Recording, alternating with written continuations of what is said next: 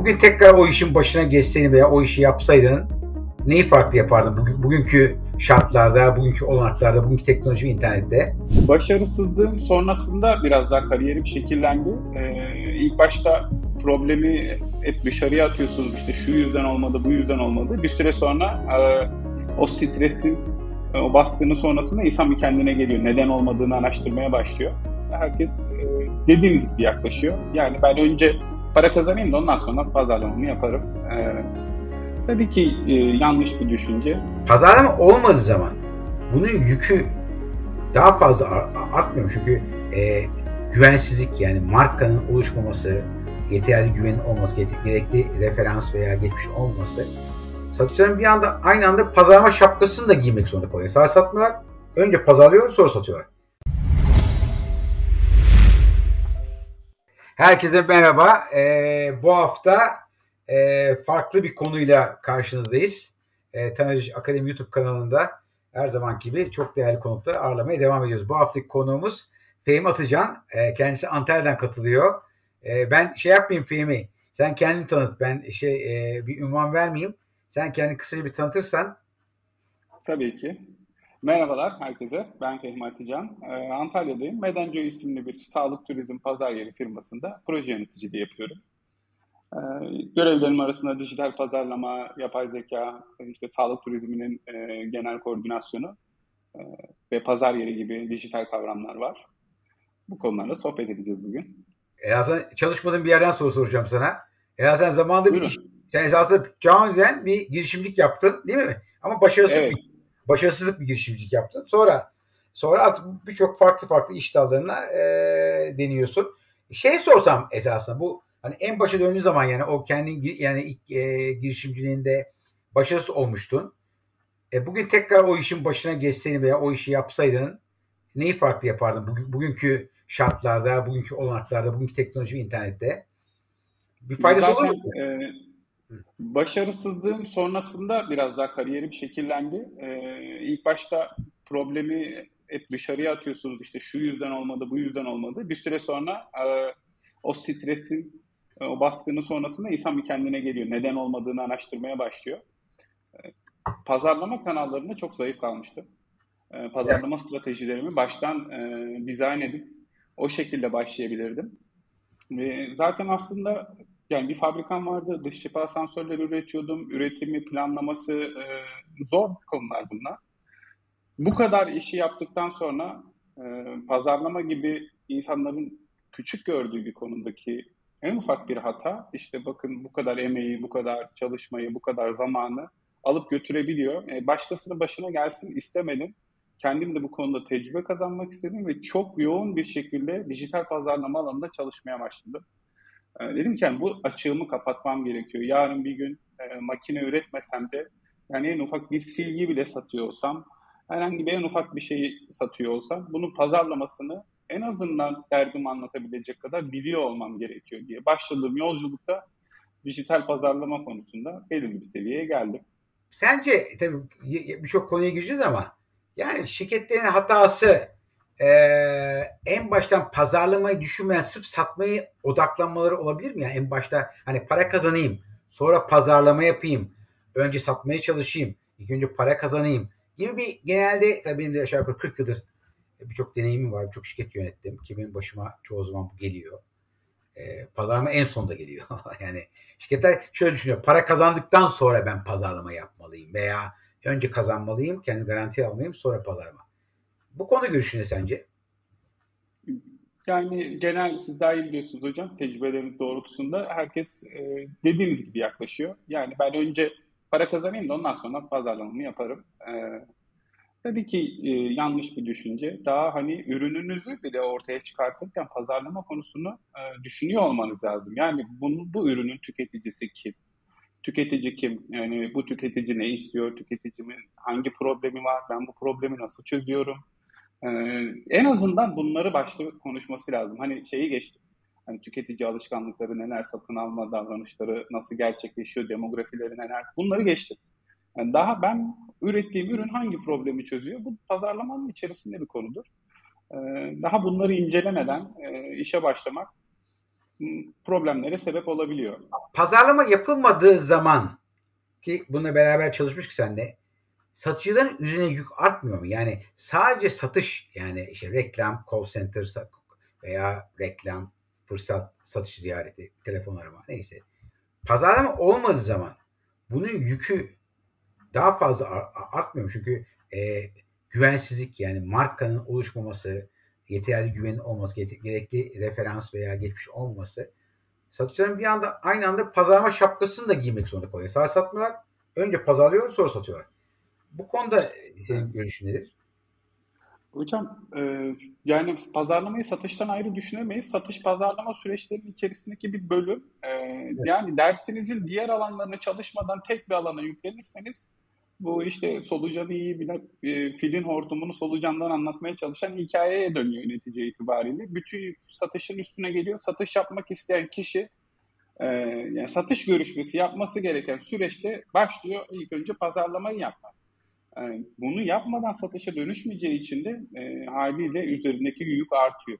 Hatta bunu belirli bir sıralamayla söyleyecek olursak önce bir marka bilinirliği oluşması gerekiyor. Markayı e, baştan tanıtmak gerekiyor. Yani satış için doğrudan arandıysa ya ben kimden ürün alıyorum sen kimsin? Yani önce bunlar tanıtılacak. E, güven inşa edilmesi lazım. Yani aslında siz de iyi bilirsiniz. Satışın altın kurallarından bir tanesidir güven. Ee, insan güvenmediği insandan bilgi bile almaz. Bırakın bir ürün satın almayı. Ee, o yüzden bu e, marka bilinirliğini, güveni oluşturduktan sonra ürünün kişinin problemini çözeceğine dair bir taahhüt yani karşılıklı bir e, sözlü bile olsa bir anlaşma var. Yani ben bir para ödeyeceğim, karşılığında bir ürün alacağım. Bu üründe benim şu şu şu problemimi çözecek. E, bunlar karşılığında bir e, el sıkışma diyebiliriz. Yani bir anlaşmaya varılıyor olması lazım ki satışa dönebilsin. E, evet. Bu faaliyetleri önceden spesifik olarak doğru zamanda, doğru kişiye, doğru platformda verirseniz satıştaki personel çok daha az çabayla satışı gerçekleştirebilir. Bu da aslında hani şöyle düşünebilirsiniz. Bir satış için ben 10 birim para harcıyorum. Halbuki pazarlamaya 5 harcasaydım satışa 3 kalacaktı. Toplamda 8'e satacaktım ben bunu. Ama bütün işi e, tek birisinin üzerine yüklediğiniz zaman hem zamanı verimli kullanamıyor satış yapacak arkadaş e, hem de biraz da pişmesi gerekiyor satın alacak kişinin. E, bir telefon açtım, her şeyi pazarladım, sattım geçtim o da öyle olmuyor. Yani şimdi buna sağlık turizmine gelelim. Bu sağlık turizmi ne zaman başladı? Yani Türkiye bu sağlık turizmi sanıyorum pandemiden önce başladı. Ee, ama pandemi biraz daha e, hızlandı. Ne, ne kadarlık bir Türkiye ne zamandır bu sağlık turizm işinde e, ivme kazandı, popüler hale geldi ve bugün ne noktadayız? Se, e, sen ne tür çalışmalar yapıyorsun bu konuda?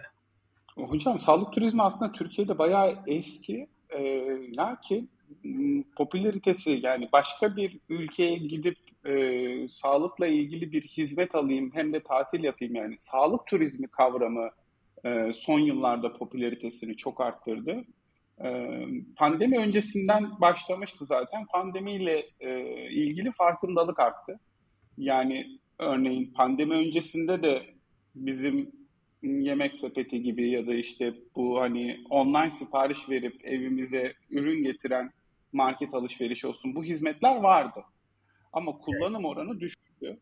Şimdi sağlık turizmi de popüler olmaya başladı. Neden? İşte Instagram gibi, YouTube gibi kanallarda e, insanlar deneyimlerini anlatmaya başlıyor. Daha fazla insan artık e, bu tarz hizmetlerin olduğunu farkında. İşte Avrupa'da yaşayan birisi için Türkiye'deki fiyatlar çok uygun. E, kur farkı nedeniyle. E, tabii ki bazı başka farklar da var. Hekimlerimiz çok becerikli. E, yani bu bu beceriyi kazanmaları zor şartlar altında oluyor.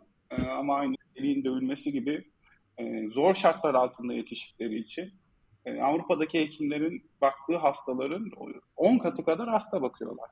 E, böylelikle daha kısa sürede daha fazla tecrübe kazanabiliyorlar. Bunun gibi faktörler bir araya geldiği zaman ki Türkiye dört mevsim hani e, turistik açıdan çok güzel bir lokasyon. E, bunlar birleştiği zaman e, diyorlar ki yani ben gideyim işte kozmetik işlerimi orada yaptırayım. E, tabii bunun tersi de e, söz konusu. Sadece kozmetik işler için e, veya tatil için yapılmıyor bu süreçler. Tedaviye kendi ülkenizde ulaşamıyor olabilirsiniz. Nedir? Uzun bekleme sıraları olabilir. Ee, ya da o tedaviyi iyi veren bir hekim arıyorsunuzdur. Hani kanserle ilgili bir tedavi ben Allah korusun böyle bir şey geldiğiniz zaman karşınız başınıza hani en iyisi neredeyse oraya gideyim gibi bir e, şey oluyor işin içerisinde. Para ee, en çok ne talebi, en çok hangi e, hizmetler talep görüyor şu anda Türkiye'de? Ee, ülkelere göre değişiklik gösterse de genellikle saç ekimi ve diş e, 1 ve 2'yi çekiyor. Bazı ülkelerde diş daha öndeyken bazı ülkelerde saç ekimi daha önde. Yani şu anlamda söylüyorum. Türkiye'ye gelip hani hangi ülkeden geldiğine göre İngiltere'den e, diş talebi daha yüksekken işte Avrupa'dan e, saç ekim talebi daha yüksek gibi e, sonuçlarımız var. Daha sonrasında e, plastik cerrahi bu kalça, göğüs estetiği, burun estetiği e, bunlar geliyor.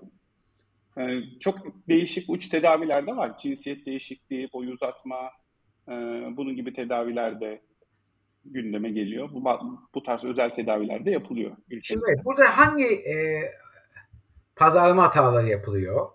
E, ve şu anda sizin bununla ilgili bir güzel projeniz var. Bu ne ne şekilde yapıldığı takdirde e, bu işe girmiş olan kurumlar daha başarılı olma veya daha hızlı gelini arttırma şansına sahip olurlar?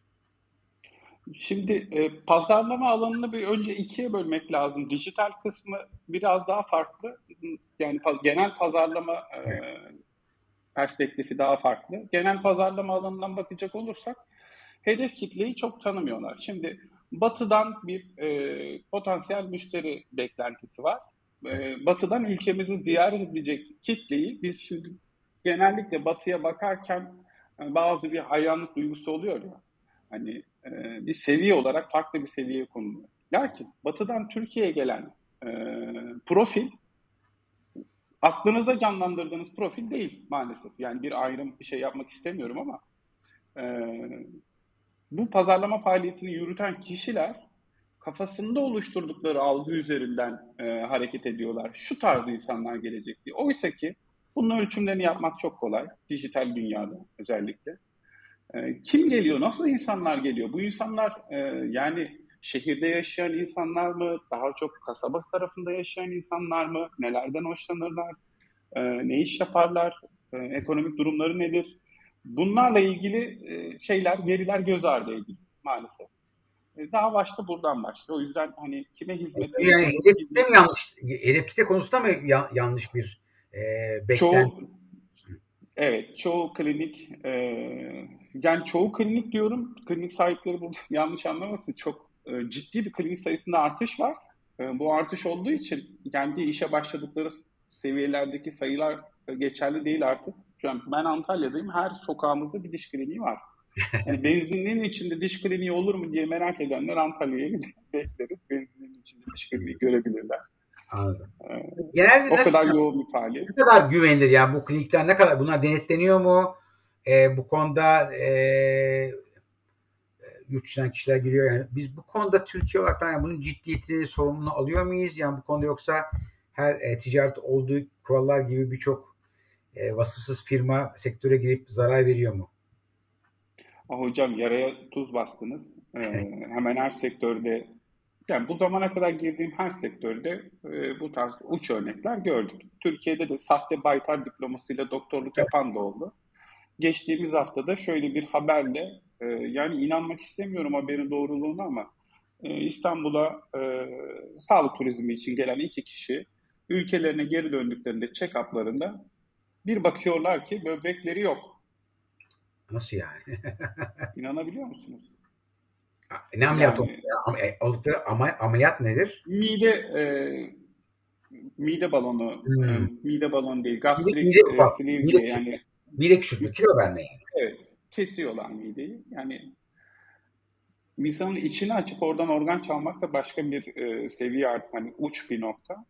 E, tabii bu uç örnekler e, haricinde belirli denetimler, kontroller, regülasyonlar, standartlar var ülkemizde. Bu, bu yani bu standartlar konulmuş. Ne kadar uyuluyor konusuna girecek olursak denetimin olduğu kadar uyuluyor diyeyim. ve denetimin evet. olmadığını da biliyoruz maalesef. Peki şimdi bu işe mesela e, şöyle söyleyeyim mesela bununla ilgili bir marketplace kurduğunu biliyorum.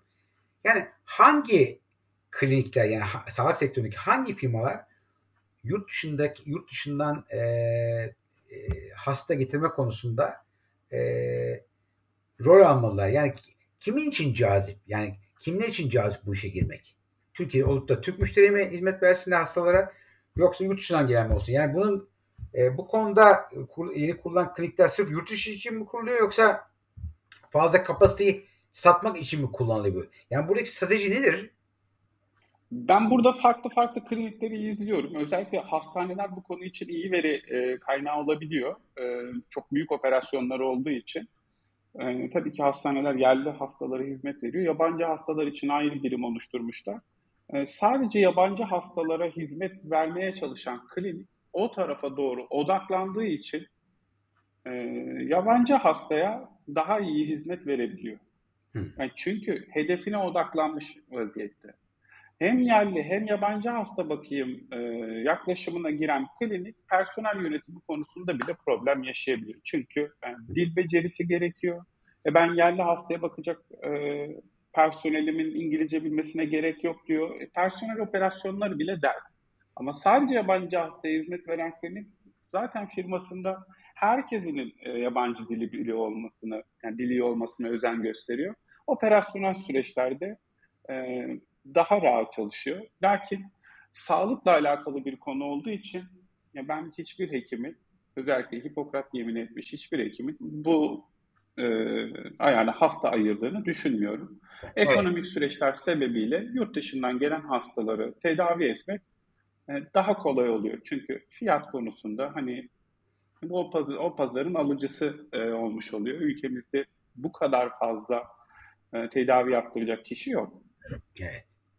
Ama bir taraftan da risk var. Eğer yurt dışına bağımlı olduğun için yurt dışındaki yani bu kontrol elinde olmayan şartlarda bir bozulma olduğu zaman tamamen yurt dışına eğilmiş bir kurumda e, orada iş hacmi düştüğü zaman herhangi bir şekilde e, Türkiye hakkında olumsuz bir haber, çevremizde olacak bir savaş, e, farklı fiyatların çok yükselmesi gibi. O zaman ne oluyor? O zaman iç müşteriye sahip olmadığı için e, daha zarar görebilir. Yani aslında öyle ufak da bir risk var. Yani başından sırf yüzde yüz yurt için çalışan kurumlar e, nispeten bir risk almış oluyor. ikisinin ortalamasını yani hem yurt hem içi hem yurt dışı e, çalışmak yerine yurt dışına odaklandığımız zaman da şey mi? Bir risk var esasında. Orada, orada bir en ufak bir şeyde olumsuzlukta o klinik e, boş kalacak.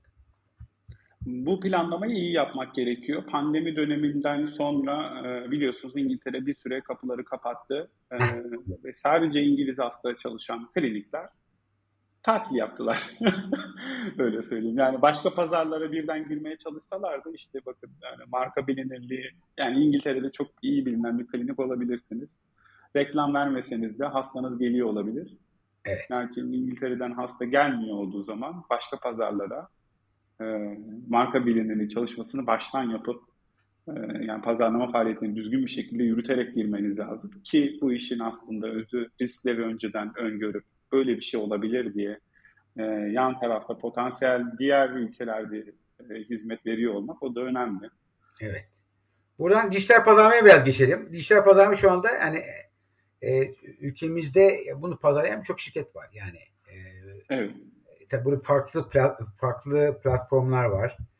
E, herkesin yüksek beklentisi var. Yani bir, bir Bitcoin evet. 5 bir coin 5 alayım. E, bazı diyor başladım diyor bir süre sonra diyor aynı müşteriler gelmeye başlıyor. İşimi büyütemiyorum. Yani en baştaki gibi müşteri akmıyor. E, o zaman diyor şey mi alayım promosyonlarla e, e, hazır, hazır müşterimi satın alayım gibi. Bu konuda nedir? Yani bu dijital pazarlamaya nasıl bakmalıyız? Özellikle ben bu soruyu daha çok tabii gidip de koç holding için sormayacağım. daha çok burada orta ölçekli yani KOBİ dediğimiz e, ister sağlık olsun e, belli bir hacmi olan yılda 2 milyonla 5 milyon arası veya yani 2 milyonla 10 milyon TL arasında bir iş hacmi olan e, bir şeyler üreten bir şeyler hizmet edip kurumlar için diyor söylüyorum. Nasıl yani bu dijital pazar nasıl bakmalıyız? Nasıl kullanmalıyız? Nelere dikkat etmeliyiz? Şimdi çok basit bir dille anlatacağım. Ee, dijital pazarlama dediğimiz zaman aslında bir vitrinden bahsediyor olabilir.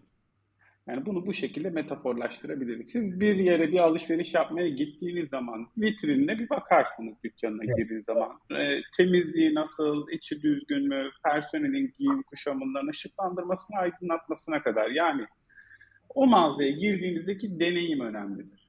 Evet. Şimdi dijital pazarlamada da biz bu işi dijitalde yapıyoruz. Yani web sitesi olabilir, sosyal medya hesabınız olabilir, ben bu sizle temas kurduğum noktada nasıl hissedeceğim? Yani öncelikle bunu düşünmeleri lazım ve bu düşünceden hiç ayrılmamaları gerekiyor. Yani günde kaç adet post paylaştığınız önemli değil dijital pazarlama yaparken. Ee, onun okuyucunun ne hissettiği, onun ne fayda sağladığı, sizi nasıl gördüğünü. Yani kurumsal markanız, kimliğiniz, çizgileriniz düzgün mü? Bir de tabii ücretli reklam verme kısmı var. Dijital pazarlamada en yoğun kullanılan faaliyetlerden bir tanesi. Burada da e, yani bir oyun gibi düşünün bunu. Bu oyunun bir kuralı var. Algoritmalar tarafından e, yönetiliyor bu sistemler. Ve algoritmaların nasıl çalıştığıyla alakalı e, yüzde yüz net bilemiyor olsak da hangi eğilimlerde neler yaptığını, e, nasıl çalışması gerektiğiyle alakalı kuralları mevcut. Kurallarına göre oynamak yerine kısa yoldan kazanayım diye işte takipçi satın alayım, e, işte soğuk data telefon numarası satın alayım. E, ve yani kandırmaya çalıştığınız şey bilgisayar arkadaşlar. Yani algoritmalar ve bunu böyle yaptığınızı çok hızlı anlıyorlar.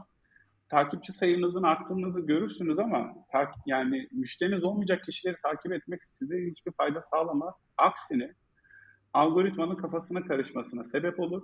Ee, bir süre sonra bir bakarsınız 3000 takipçisi vardır bir kliniğin. Bir tane reklam çıkar o reklamda tıklama başı maliyeti örneğin 5 lira olur.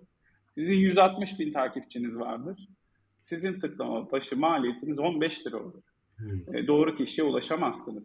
E, çünkü algoritma sizin e, yani sizi tanımaya çalışıyor. Neye göre tanıyacak sizi? Kullanıcılarınız, takipçileriniz. E, siz şimdi müşteriniz olmayan, sizinle alakalı olmayan kişileri takipçi olarak alırsanız algoritmada e, o kişilere benzeyen insanları bulur. Yani sizin işine işte. yaramayacak insanlar. Bir şey soracaktım sana. Yani takipçi sayımın çok olması e, daha çok satmamı sağlar mı? Yoksa senin dediğin gibi algoritmalar senin takipçine benzerlerini mi sana getiriyorlar? Yani buradaki o zaman takip sayısının e, egomuz dışında ne faydası var? Ee, aslında takipçi sayısının psikolojik şöyle bir etkisi var. Ben baktığım zaman hesaba takipçi sayısına göre yaklaşık bir konuma koyuyorum. Güven güven takipçi, güven artıyor. Evet. Ee, güven artıyor. Lakin bu şuna benziyor. Ben e, tabiri caizse kiralık arabayla şov yapıyorum. E, sahte takipçi satın aldığım zaman. Çünkü oradan profiline girdiğim zaman bakıyorum yani işte profil fotoğrafları yok, isimler belli değil ya da bir e, bazı kullanıcılar bunu çok kolay an, anlayabiliyor yani. E, sahte takipçi, bot takipçiyle mi e, hizmet veriyorsunuz, servis Hı. veriyorsunuz? E, yani değer miydi güven kaybetmeye? Yani Ford'un bir lafı var bilirsiniz. Evet. Yani insanların Şimdi, güvenini kaybetmektense para kaybetmeyi tercih eder. İnsanların biraz e, her şey tükettiğimiz için dikkat dikkatimizle tüketiyoruz yani. Evet. Bu e, Reel veya TikTok gibi e, e, paylaşımlar hızlı takipçi kazanmak veya dikkat çekmek için iyi bir yöntem mi? İyi bir yöntem. Yani e, tüketici alışkanlıklarında Şimdi bir insan nasıl yemek yiyor, hangi formatta yemek yiyor, sen kendi e, tattırmak istediğin ürünü o formata getirirsen evet. e, insan doğası gereği alışkanlıklarını bozmak istemeyecektir, o şekilde tüketecektir. E, bu tüketici alışkanlıklarını değiştirmek de büyük e, uğraş, emek ister. E, yani inat edip tüketici alışkanlığının dışına çok çıkmaya gerek yok. Eğer ki senin e, potansiyel müşteri TikTok videosunu izlemeyi seviyorsa ben hayır efendim sizi LinkedIn'e çağıracağım. LinkedIn'de size e, anlatacağım dememelisiniz. Ee, kullanıcınız, tüketiciniz TikTok'ta ise size e, kullanıcınızın, tüketicinizin anlayacağı şekilde içerikler üretip o ortama paylaşabilirsiniz. Ve Şunu anlıyorum mesela? Çok. Bana birisi geldi tamam Instagram'dan geldi. O kişinin, aynı kişinin Instagram dışında başka hangi sosyal medya işte Twitter, e, LinkedIn, Facebook, YouTube başka o kişinin başka nereye takip ettiğini bulma şansımız var mı? Var. Bunun için güzel e, yazılımlar da var. E, bunlardan bir tanesi ismini verebilirim. Freshworks. E, lead generation yani Facebook, Instagram gibi alanlarda potansiyel müşteri e, bulmaya çalıştığımız zaman gelen kullanıcı adı, telefon numarası, e-posta bilgilerini alıyoruz.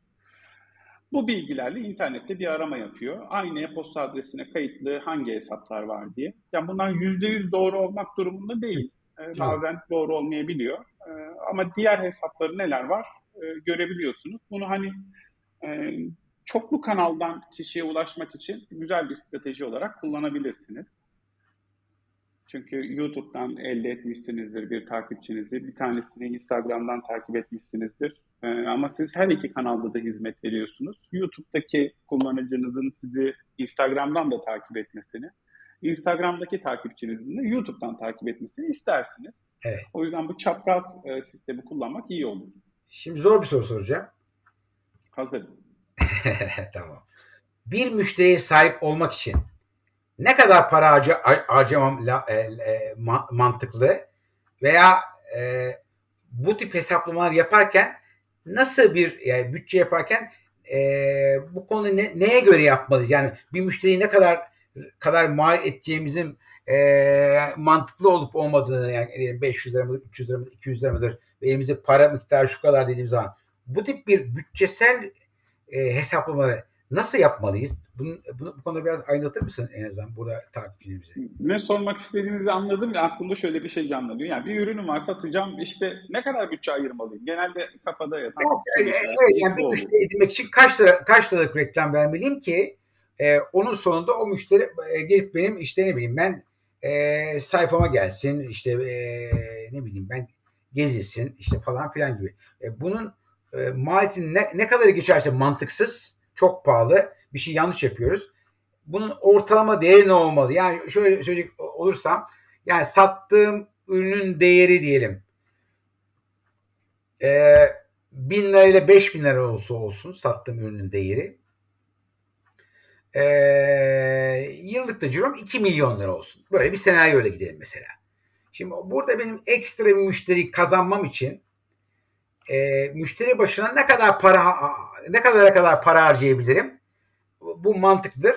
Ne kadar üzerine bir maliyet yükselirse e, bu yaptığın şey e, değmez. Yani bu tip kararlar yani bu tip kararları neye göre nasıl veriyorsun veya bununla ilgili bir pratik bir yöntem e, sunabilir misin?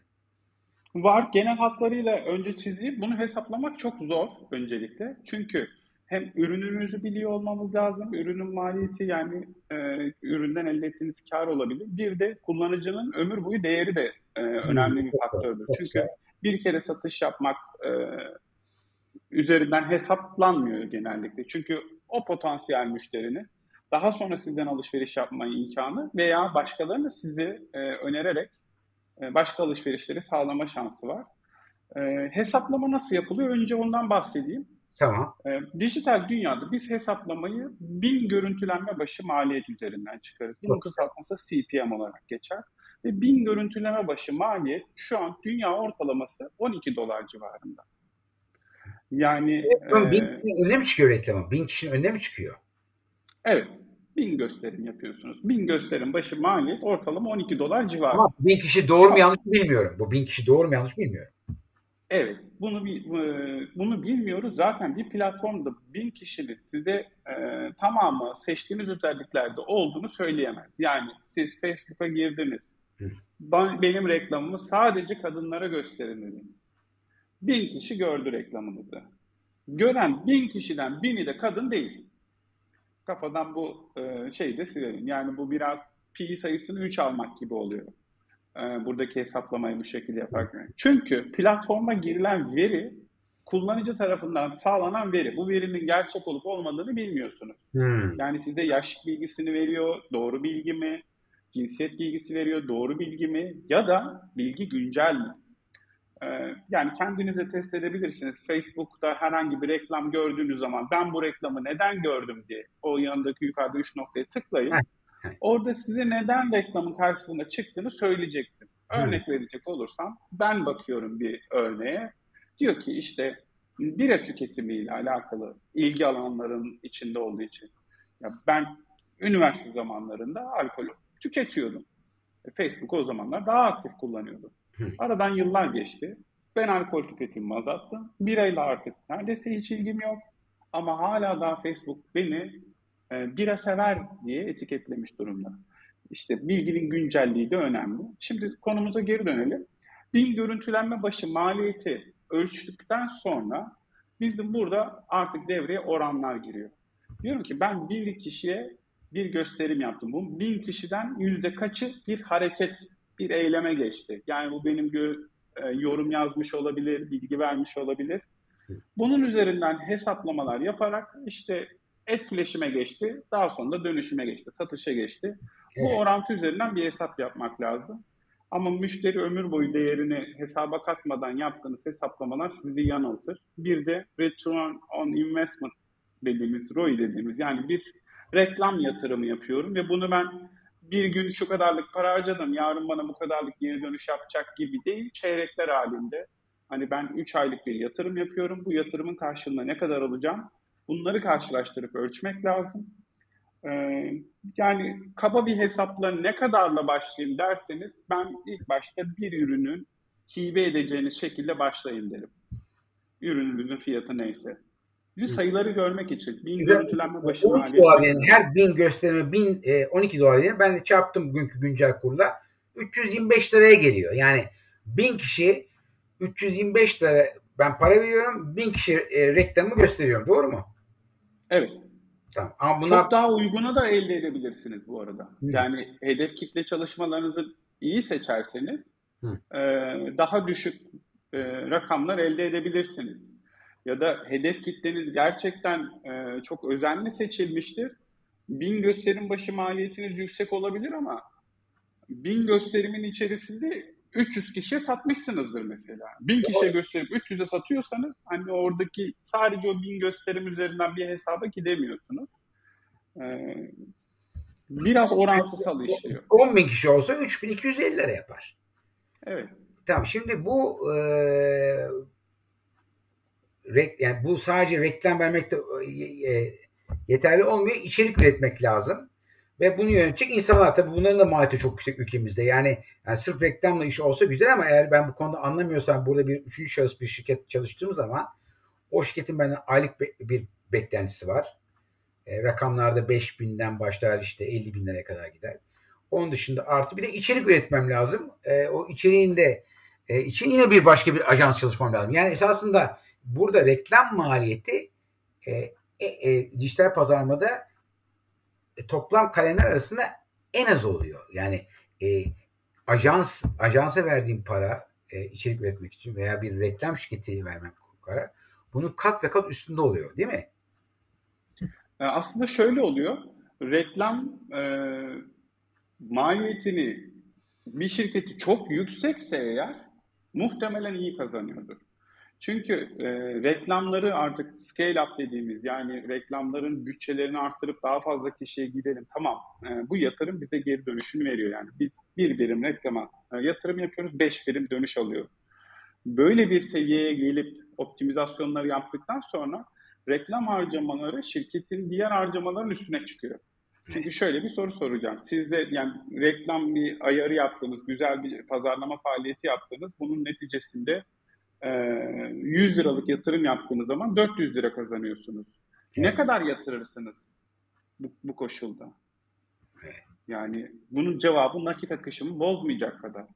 Yani cebimdeki bütün parayı koyarım. Çünkü bir koyuyorum, dört alıyorum. Tamam. Ama bu hale gelinceye kadar yapacağınız düzenleme süreçlerinde e, reklam giderleri çok yüksek olmuyor. Çünkü dijital pazar olduğu için yani ben yaklaşık 50 ee, bin kişilik bir hedef kitle seçtim desem 50 bin kişiye ulaşım maliyetim belli. Bunlar çok yüksek sayılar değil. Ve bu 50 bin kişiye örneğin 10 tane farklı tasarım yaptım. 50 bin kişiye yani 500 bin gösterim yaptım. Ama 10 tane e, tasarımdan hangisinin daha çok beğenildiğini öğrendim. Artık diğer 9 tasarımla çalışmak durumunda değilim. En başarılıya daha yüksek bütçeyle girebilirim. Yani aslında bu küçük küçük testleri yapıp Daha sonra optimize edip ilerlemek en mantıklı strateji. Buradan yapay zeka geçmeden önce bir soru. Apple'ın en önemli 3 hata. Dijital pazarlamada kurumların yaptığı en önemli 3 hata. Hmm, güzel. Birincisi e, hedef kitleme, hedef kitleyi tanımama. E, bundan bahsedebilirim. İkincisi veya bilmemek. Algori- veya bilmemek. Bilmemek evet. E, algoritmayı bilmemek. Yani oyunun kurallarını bilmemek öyle söyleyeyim. E, işte fake takipçi satın almak tarzında. E, bir diğeri de yani kopyalayarak ilerlemek diyeyim. Genelde rakiplerim ne yapıyorsa aynısını yapıyor. Yani çok yaratıcı, yaratıcı olmamak. Evet yani işte günde bakın e, daha bu eski bir çalışma yaklaşık 10 yıllık bir çalışma e, günde 7 bin adet reklama maruz kalıyoruz. Şu an bunlar 10 bini geçmiş durumda. E, ben günde 10 bin reklama maruz kalıyorum. Bir insan yani bir kişi 10 bin tane. Evet bir kişi bir kişi. Yani bunun arasında nasıl sıyrılmayı düşünüyor bir firma? Evet bayağı bir şey. Yani o yüzden belirli aralıklarla insanların belirli rutinlerine giriyor olması lazım. Yani günlük hayatımızda rutinlerimiz var. Bu da büyük bir tiyodur aslında. Ee, kullanıcınızın hangi cihazlardan, hangi saatlerde, hangi durumlardayken sizinle etkileşime girdiğini anlayabilirseniz orada kişinin rutinine yaklaşabilirsiniz. Örnek verecek olursam kişi her sabah otobüste işe giderken işte Instagram'dan Reels tüketiyor. Ben orada bulunduğu saatte hep aynı zamanda hep aynı şekilde işine yarayacak bilgiler vererek tanışırım. E, artık marka bilinirliğim oturur. İşte marka bilinirliğini bu frekansta paylaşıyor olmak lazım. Yani o kullanıcı her gün onu tüketiyorsa her gün tüketebileceği bir içeriği oraya koyarım. O saatte tüketebileceği şekilde önüne koyarım. Evet. E, ve bu alışkanlığın içerisine girerim. Ve alışkanlığın gücünü kullanarak da markamı hafızasına kazırım. Süper, süper ben çok güzel.